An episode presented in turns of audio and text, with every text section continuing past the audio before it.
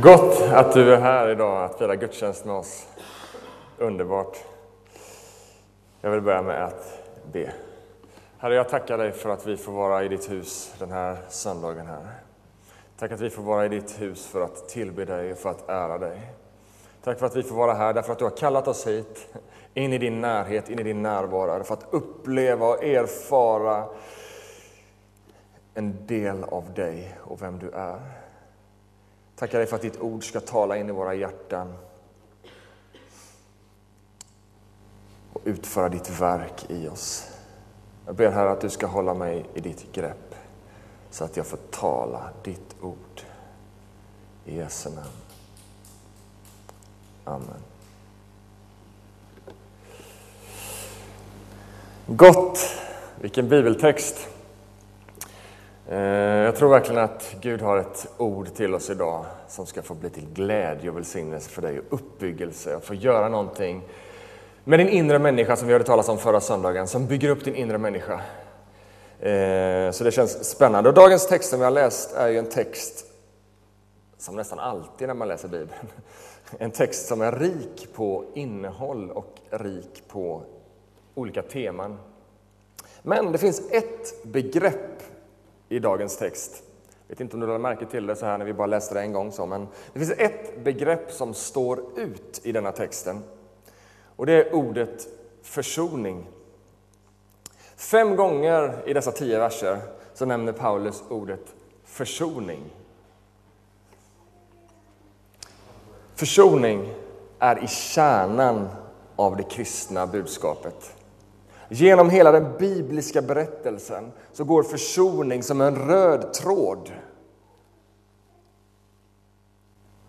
Och ganska ofta i Gamla Testamentet, man kanske tänker försoning, då tänker man på Nya Testamentet, men ganska ofta i Gamla Testamentet så förekommer beskrivningen av Gud med hebreiska ordet hagoel, hagoel, som alla vet vad det betyder. Gud, försonaren, försonaren. För I Gamla testamentet så uppenbaras Gud som försonaren. Gud är en Gud av försoning. Gud är en Gud som sträcker sig ut.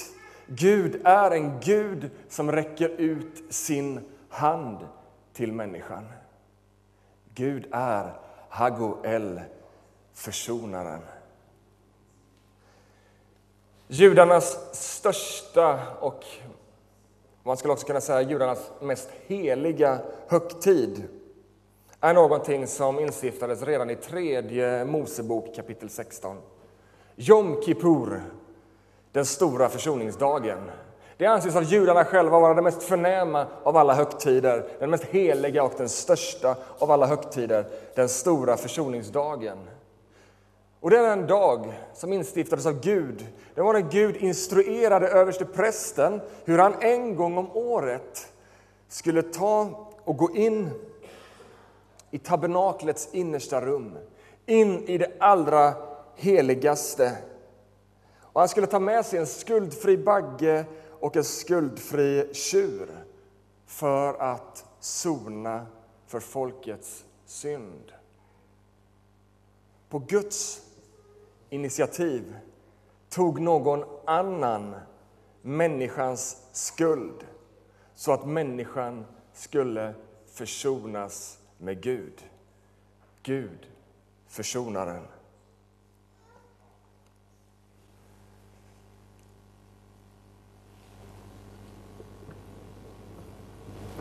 Försoning förutsätter också någonting annat. Försoning förutsätter att det finns någonting annat. Vadå? Jo, försoning förutsätter att det finns fiendeskap, främmandeskap och konflikt. Om det inte finns en konflikt, om det inte finns ett fiendeskap, om det inte finns ett främmandeskap, så finns inget behov av försoning. Men att Gud är försonaren innebär att det finns ett fiendeskap, det finns ett problem, det finns en konflikt. Om man slår upp ordet försoning i ordböcker så hittar man någon typ av förklaring ungefär så här att när personer eller länder är i en konflikt så är försoning när de uppnår enighet igen. Det finns en konflikt. Men man uppnår enighet, det är försoning. Och Wikipedia förtydligar med de här orden som jag tycker är ganska intressanta, att ordet försoning betecknar en genuin återvunnen samhörighet. Inte bara att osämjan upphör. Försoning kan också ge tillfälle till återupprättad heder. Gud är inte i fiendeskap till människan. Det finns en fiendeskap, men Gud är inte i fiendeskap till människan. Gud har inte förklarat krig mot människan. Men, lyssna nu. Men genom människans val att välja genvägar istället för den rätta vägen, att välja sin vilja framför Guds vilja, att välja att laborera med kunskaper om gott och ont istället för att bara leva i Guds goda, så har människan satt sig i ett främmandeskap, ja, också i ett fiendeskap gentemot Gud. Det finns en konflikt, mina vänner. Och tittar vi på världen idag så är den uppenbar. Titta på det politiska läget i Sverige. Det är uppenbart, det finns problem, det finns konflikt, det är inte harmoni, det finns ett problem. Men Gud har inte förklarat fiendeskap mot människan, men Gud är i fiendeskap mot synden. Med konsekvensen att människa och Gud hamnar i fiendeskap och främmandeskap för varandra. Därför att synden ger våra liv en annan mening och ett annat mål. Främmande till den renhet och den frihet och det eviga syfte som Gud har skapat oss för. Synden förvrider Guds tanke, synden ger livet en annan mening än det vackra och fantastiska som Gud har skapat oss för. Världen utan Gud säger min väg, mitt sätt, min vilja. Och i detta så är världen inte bara i främmandeskap med Gud utan också i fiendeskap mot honom och mot hans vilja. Mot hans vackra vilja och tanke och vision med mänskligheten. Och det är mot denna bakgrund som Paulus i dagens text säger, vi, Kristi kyrka, vi, Guds folk, är alltså sändebud för Kristus. Och Gud vädjar genom oss. Vi ber på Kristi uppdrag, låt försona er med Gud. Hagoel, försonaren, Gud försonaren. Han ger aldrig upp om den värld som har valt främmandeskap och fiendeskap med honom. Han sänder oss ut att proklamera i denna världen att försoning är möjlig. Att evigt liv i frid och i gemenskap med Gud är möjligt. Wow! Gud försonaren. Vi är alltså sändebud för Kristus. Paulus säger att vi är sändebud för Kristus. Och svenska översättningarna använder ordet sändebud. Och det är väl för att man vill betona att vi är sända med ett budskap. Men mer än så, i det här grekiska ordet så ligger konceptet av ambassadörskap. Så om du läser till exempel alla engelska översättningar så står det så här We are ambassadors of Christ. Christ. Vi är Kristi ambassadörer, sändebud och ambassadörer.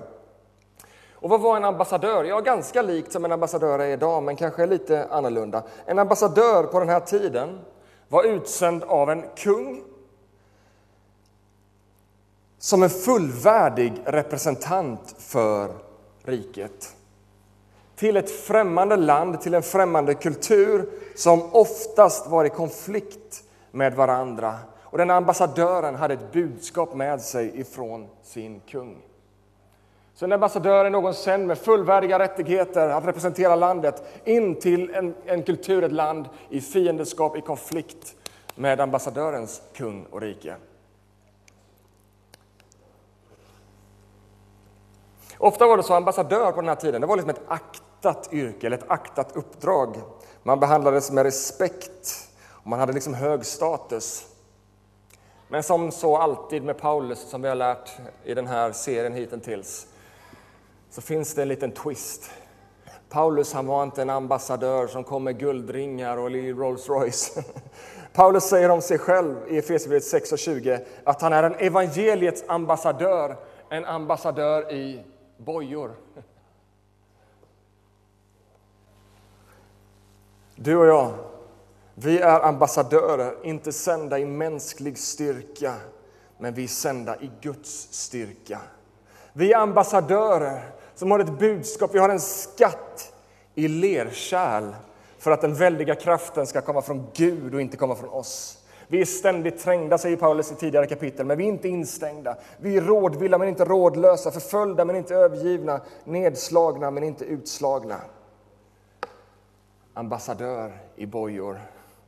Vi är sända av kungars kung som ambassadörer till ett främmande land av sin natur i fiendeskap med vår kung. Dit är vi sända med ett budskap om att de kan bli försonade med Gud. Att försoning är möjligt, att konflikten är över, striden är över.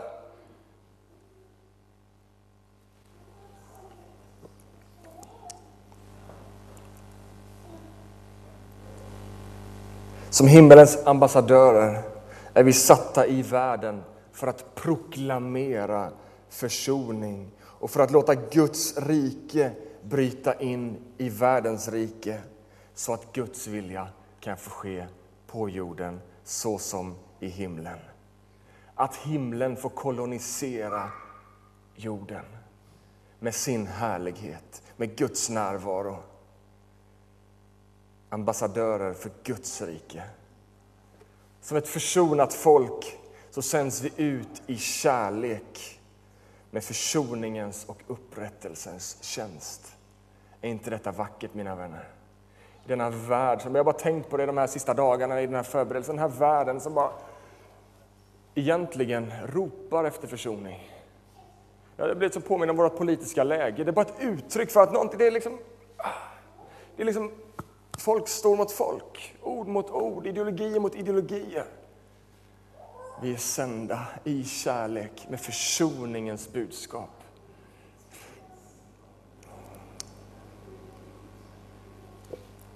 Och Paulus säger i vers 14 att Kristi kärlek driver oss. I detta ärende att gå ut med försoning, vad är det som driver oss? Vad är vår drivkraft? Jo, Kristi kärlek driver oss. För vi är övertygade om att en har dött för alla och därför har alla dött. Och han dog för att alla och han dog för alla för att de som lever inte längre ska leva för sig själva utan för honom som har dött och uppstått för dem. Vi kommer i kärlek. Vi kommer inte till världen med hot. Vi kommer inte till världen med irritation. Vi kommer inte med fiendeskap, vi kommer inte med konflikt. Vi kommer i kärlek. Jag tänker att kyrkan allt för ofta lever förfärad över tillståndet i världen. Förfärad över utvecklingen i världen.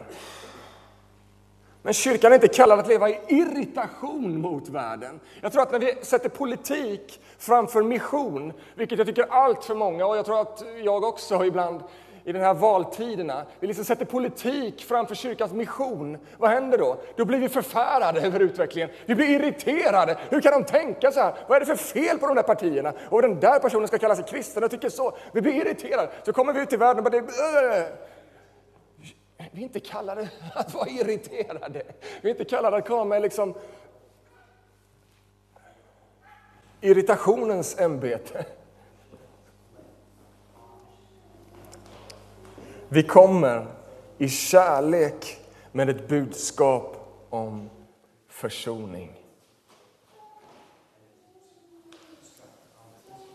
Även om världen är irriterade på oss,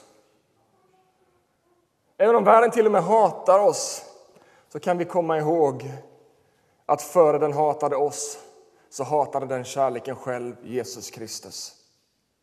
Paulus han var ett evangeliets ambassadör i bojor. Men han var vare sig förfärad eller irriterad. Vad var han? Han var driven av kärlek till den värld som hade satt honom i bojor. Han var driven av kärlek till den värld som Kristus hade dött för. För han var övertygad om att om en har dött för alla så har alla dött i honom och Kristus har uppstått för alla.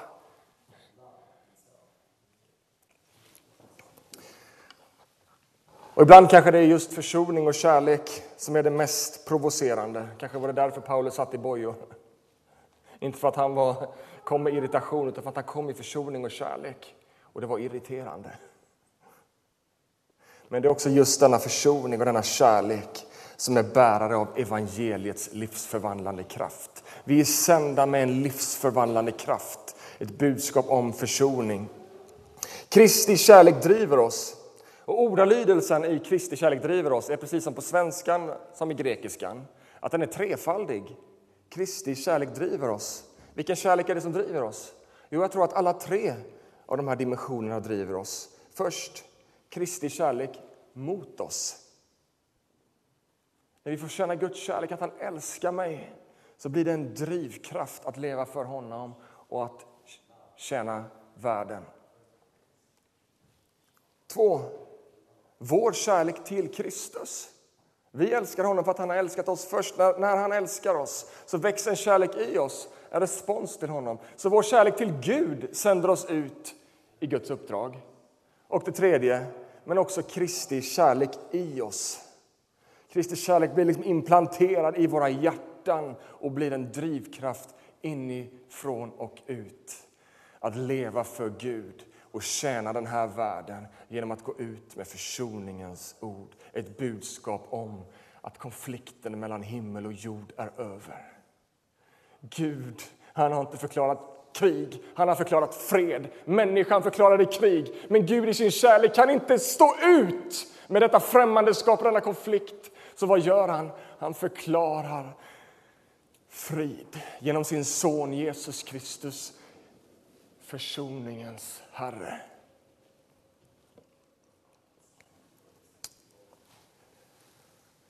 Vi sänds ut. Jag vet inte, ibland kanske det här att vi sänds ut känns väldigt stort och konstigt i sig. Jag sänds ut. Hur sänds jag ut? Jag är en vanlig människa. Hur sänds jag ut i denna världen? Du är sänd. Du är en Kristi ambassadör. Du är ett sändebud med ett budskap om försoning. Om jag ska bara säga det rakt upp och ner, vet du vad? Att Kristus har försonat dig med sig. Ja, kanske. Ibland kanske det är helt klockrent. Men allt som oftast kanske det börjar lite enklare. I mötet på vår arbetsplats, vid eh, lunchbordet eller man är med en vän på gymmet eller var man nu är någonstans. Vad gjorde du i helgen? Ja, ska vi se, måste jag tänka ut här. Jag gjorde jag någonting annat än att vara i kyrkan som var värde? Så vi liksom, ja, men kanske bara säga, jag var i kyrkan igår. Jaha, går du i kyrkan? Ja, visste du inte det? Och så börjar ett samtal som kan leda fram till att jag har blivit försonad med Gud. Du kan bli försonad med Gud. Kanske inte händer första gången, men det börjar i enkelhet. Eller kanske någon, jag mår så dåligt. Det är så jobbigt det här har hänt i mitt liv. Vet du vad, Lisa? Jag känner med dig, verkligen. Kan inte jag få be för dig? Och vet du vad? När jag har sagt det till en människa, jag har aldrig varit med om att någon har sagt nej, eller vad då be för mig? Är du helt knäpp i huvudet? Utan bara tvärtom, vad fint, vill du be för mig? Du vet de där enkla små orden som blir en introduktion till budskapet om att Gud har försonat världen med sig. Eller vad är meningen med allt? kan vara en fråga som dyker upp. Ja, vet du vad? Jag ställde mig samma fråga. Men när Gud fann mig så insåg jag att meningen med allt är att jag skulle få frid med Gud. Och jag tror att det är samma med dig. Tänk om vi skulle våga lite mer, i all enkelhet, öppna upp lite. Låta härligheten som finns i detta brustna lerkärl få stråla ut lite i våra enkla ord. Du behöver inte tänka att jag är sänd av Gud, nu ska jag komma här som aposteln Paulus eller Petrus och predika på pingstdagen. Så här, kanske underbart om Herren kommer över dig. Men det kanske är en liksom det här enkla, när man sitter vid matbordet eller ute och går Kanske det börjar att du börjar med att be om en längtan att Gud ska använda dig och dina ord för att tala in försoning i människors liv. Paulus säger i dagens första vers, i vers 11. Vi vet alltså vad det är att frukta Herren och därför försöker vi vinna människor. Vinna människor, vinna människor för Guds rike. Vi vet alltså vad det är att frukta Herren. Av fruktan till Gud och kärlek till människor så levde Paulus för att försöka vinna människor. Fruktan till Gud, det kan ju låta, oj, ska jag vara rädd för Gud? Är det därför jag ska tjäna honom? Nej, jag tror inte det är det som Paulus är ute efter. Inte fruktan så som rädsla, utan snarare att vi lever med insikten om att Gud har gett oss ett högre syfte att leva för. Insikten om att vårt liv på jorden faktiskt spelar roll. Vårt liv på jorden har en konsekvens. Inte bara för oss själva, utan för andra människors evighet. Då får vi helt plötsligt en fruktan. Oj, det finns någonting mer. Det är någonting som står på spel. Och det blir en kärlek inom oss, inte en fruktan. Åh, jag är så rädd för Gud så jag måste liksom ut och vittna här, knacka så många dörrar jag kan. Utan en kärlek, drivkraften är vår kärlek. Så när fruktan Paulus talar om går hand i hand med kärleken. Att vi förstår att Gud älskar alla, men vi förstår också att det är någonting som står på spel. Evighetsperspektivet innebär ett allvar. Men inte så att vi blir rädda. Paulus säger själv det finns ingen fördömelse för den som är i Kristus. Och han säger också att, att, att sann kärlek driver ut rädslan. Så det är liksom inte en, en sån jobbig fruktan han talar om. Men det finns ett allvar. Något står på spel. Att Gud sände sin son att dö för världen. Det är allvar. Därför att Gud visste att någonting står på spel. Världen har valt fiendeskap med mig och denna fiendeskap kommer leva till död. Någonting står på spel. Jag måste göra någonting. Jag sänder min son för att försona världen med mig. Och det är detta budskap som blir ett allvar hos Paulus.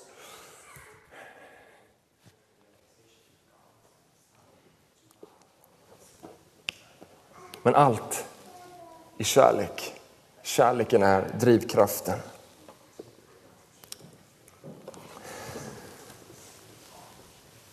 Paulus säger också att genom Kristus bryter den nya skapelsen in i världen. Genom Kristus bryter den nya skapelsen in i världen. I vers 17. Om någon är i Kristus så är han och hon en ny skapelse. Det gamla, det som en gång var, det är förbi. Se, något nytt har kommit. Guds plan är inte bara att rädda oss från en evighet utan honom. Det är ju ljuvligt i sig att han räddar oss till sig till en evighet med honom. Men Guds plan är också att återupprätta hela sin skapelse till att igen reflektera hans godhet, skönhet och kreativitet. Du är en ny skapelse. Ditt gamla jag är förbi. I dopets vatten så lämnade du ditt gamla jag. Ditt gamla liv i vilket du var herre över dig själv och vilket du till och med ville vara herre över dig själv. Och så uppstod du till ett nytt liv i vilket Jesus är herre. Du blev en ny skapelse skapad för evig gemenskap med Gud själv och skapad att blomstra i hans vision för ditt liv. Och Det här språkbruket som Paulus använder, du är en ny skapelse, det är inte bara så liksom att han bara tar något i luften, det här låter coolt. Utan det är liksom rotat i det gamla testamentets uppenbarelse om vad som ska ske i ändens tid. Och det som liksom målas ut i Uppenbarelseboken kapitel 21 och 22. Om en ny himmel och en ny jord och om hur Gud ska ta sin boning mitt ibland oss för evigt och hur han ska återupprätta allting och förnya allting. Det där framtidshoppet i Kristus bryter det in i vår tid, i ditt liv. Så att du är en ny skapelse, du är en försmak på det som ska komma. Det Kristus har gjort i ditt liv och gör i ditt liv är en försmak och den fullkomlighet när han en dag ska återupprätta allting och förnya allting till sin ära och till vår njutning.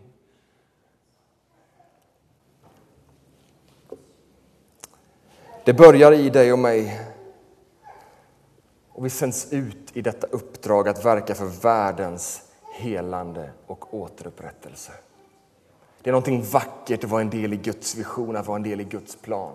Vi sänds ut och vara en del i alltings återupprättelse, i denna världens förnyelse. Hur kan det här ske? Hur kan en människa få en sån här gemenskap med Gud? Hur kan världen återupprättas och helas? Jag är glad att du frågar. Det är Paulus också, för han ger svar på det i nästa vers. 18. Och allt kommer från Gud. Han som har försonat oss med sig själv genom Kristus Jesus. Allt kommer från Gud. Hade det varit upp till oss så hade detta inte varit möjligt. Hade vi aldrig kunnat bli en del av Guds plan och Guds återupprättade vision. Därför vadå? Jo, därför att vi lever i främmandeskap till Gud och hans tanke. Men allt kommer från Gud. Han har försonat oss med sig. Du är försonad med Gud. Du har frid med Gud. Som Wikipedia sa, du har återfått din heder. Och du hör samman med Gud på grund av något du har gjort. Nej,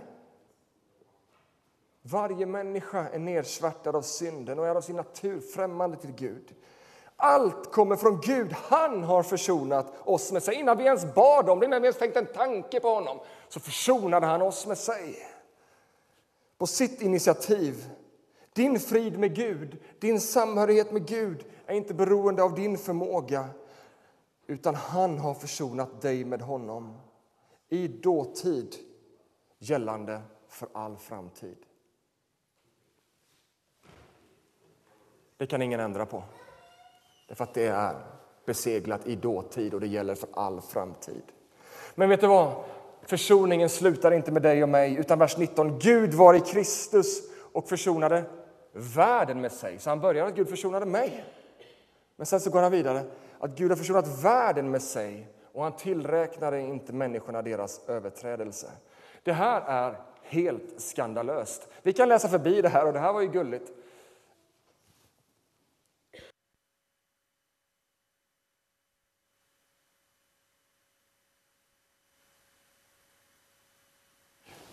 Det här var ju fint. Gud har försonat världen med sig. Men du vet, ur ett judiskt perspektiv, när Paulus skrev det här, det här är helt skandalöst. Att Gud skulle försona en hel värld med sig, och inte vilken värld som helst, utan den världen som vänt Gud ryggen. En värld som håller på att förstöra Guds skapelse. En värld som säger hellre min vilja än din vilja. En värld som är vilsen i sin orenhet och själviskhet, brustna relationer, men just denna värld har Gud försonat med sig.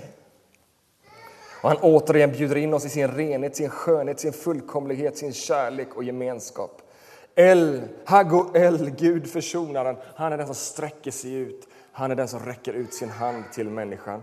Och han tillräknar inte, fortsättningen av versen, han tillräknar inte människorna deras överträdelse. Han tillräknade inte människorna deras överträdelse. Vet du vad? Gud håller inte din synd emot dig.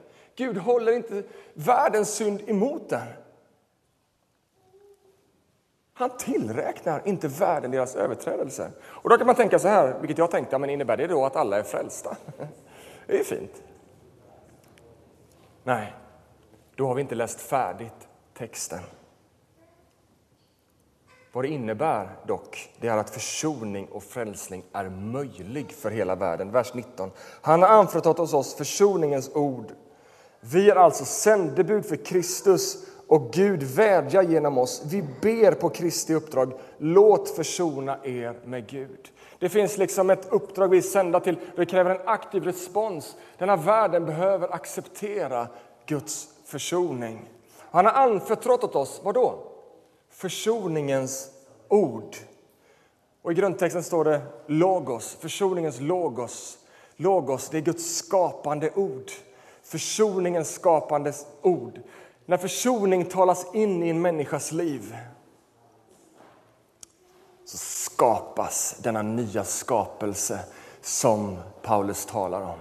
Vi talar in försoning och en människa tar emot så blir denna människa en ny skapelse genom försoningens logos, Guds skapande ord. Och Det är detta ord som vi är sända med. Och Det är ganska intressant i den här texten också. För att ibland när man pratar om evangelisation, att dela sin tro. Jag vet inte om du har hört det, men jag har hört det. Vi ska liksom inte böna och truga och, liksom och tjata på människor att de ska bli tro på Jesus. Utan antingen tror de eller så tror de inte. Vet ni vad? Gud gör precis tvärtom. Det står i texten att han vädjar genom oss.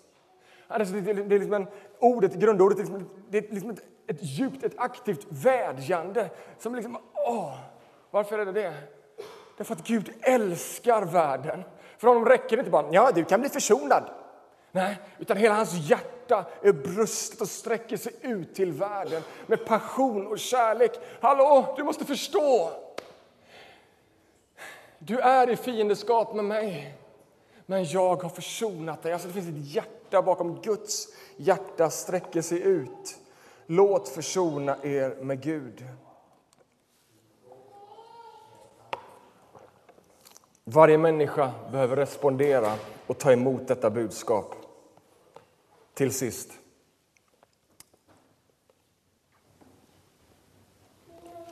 Hur är detta möjligt?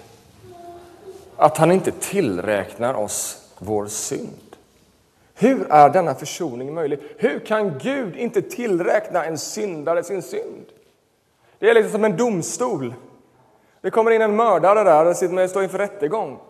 Alltså jag är ledsen, jag gjorde det här mordet, men jag, jag är ledsen över det här och det är verkligen, jag verkligen är ledsen, förlåt. Och domaren säger, ja men det är okej, gå hem. Det är ju inte rättfärdigt, det är inte rätt. Struntar Gud bara i vår och världens synd? Blundar han bara som om ingenting har hänt? Gud, han är helig och rättfärdig. Gud, han är allt igenom ren. Gud, han kan inte blunda för synd.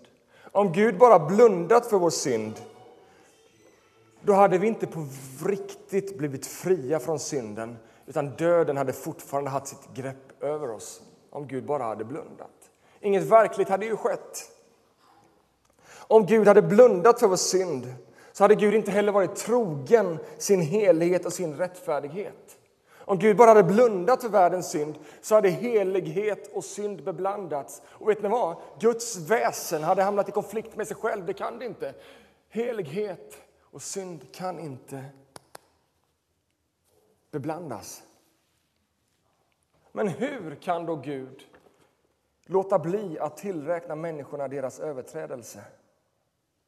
Vers 21. Han som inte visste av synd, honom gjorde Gud till synd i vårt ställe för att vi i honom skulle stå rättfärdiga inför Gud. Han! Vilken han? Han som inte visste synd. Honom gjorde Gud till synd i vårt ställe. Och vem är denna han? Ja, listan är ganska kort.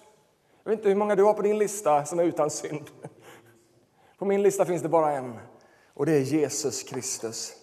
Och första Petrus säger om honom att han har frestats som oss i allt, levt som oss, men helt utan orena tankar, helt utan orena ord och handlingar, helt utan synd. Och här kommer konceptet in, den stora försoningsdagen, det felfria lammet.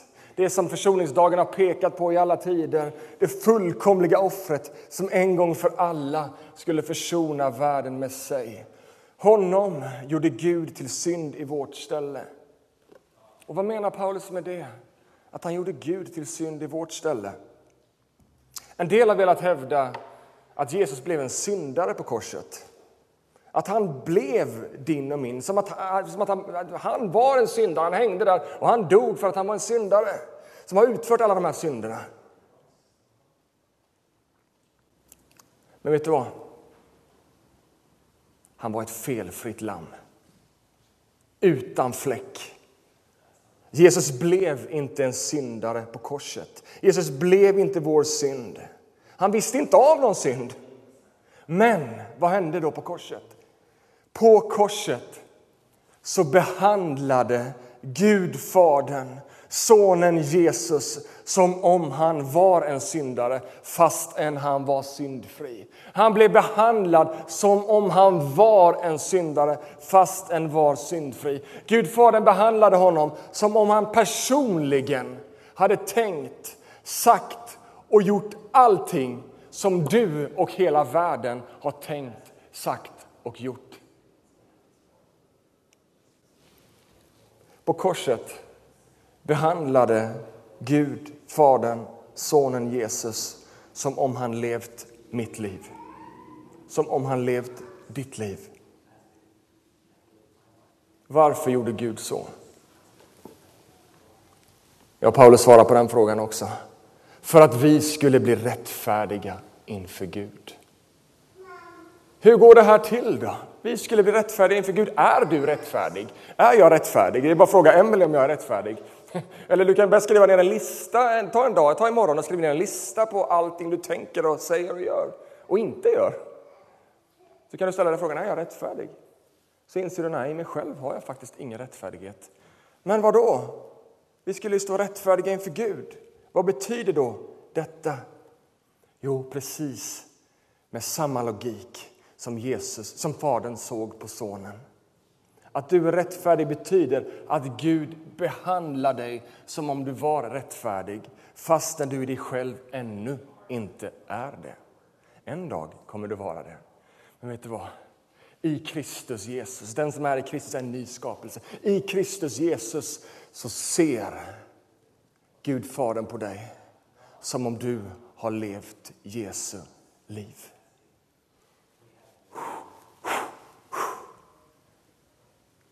Och han ser på sin son som om han har levt ditt liv. Luther kallar det här för det saliga bytet. Och det är sannerligen saligt. Det är helt otroligt, skandalöst, fantastiskt, underbart.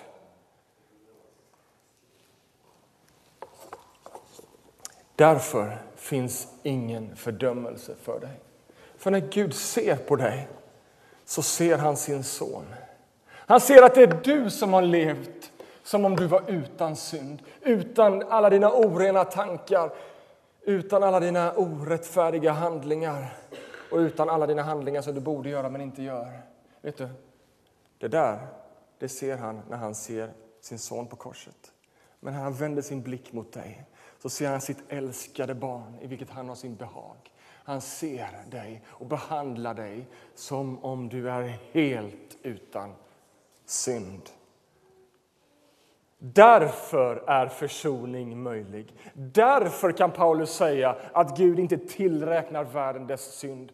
Förstår ni, mina vänner, vilket budskap vi har till den här världen? Det är inte ett budskap om skärp dig, kom igen, nu måste vi liksom... Ett budskap om att Gud har tagit initiativet. Allt kommer från honom som har försonat världen med sig. Och detta är goda nyheter. Och det är med detta budskap vi är satta som ambassadörer som sändebud för att proklamera låt försona er med Gud. Gud älskar dig så mycket. Han har sträckt ut sin hand mot varje människa och du kan ta emot denna försoning. Och den försoningen i oss blir början på Guds nya skapelse. Verklig försoning, helande och upprättelse av skapelsen börjar med att varje människa engagerar sig i Greenpeace. Nej, det var fel. Det är jättebra. Lyssna igen. Verklig försoning, helande och upprättelse av skapelsen börjar med att varje människa försonas med sin skapare. Utan försoning med skaparen så finns ingen verklig försoning i skapelsen. Gud har gjort allting färdigt. Han har försonat världen med sig så att varje människa kan ta emot försoning från, från Gud och bli en Guds ambassadör och en försonings, försoningens sändebud till världen. Detta är Guds budskap till dig och Guds budskap genom dig. Amen. Herre, jag tackar dig för ditt ord. Jag tackar dig att du har försonat oss med dig. Tack för det ljuvliga, att vi får vara försonade med himmelens Gud. Leva i frid och gemenskap och kärleksrelation med dig, Gud. Tackar dig också att vi får vara sända ut i denna världen med detta försoningens ord. Att du har försonat världen med dig. Och jag ber Herre att detta budskap skulle få sippra ut genom oss till denna världen. Så att budskapet når fram, din vädjan når fram att du har försonat världen med dig själv. Amen.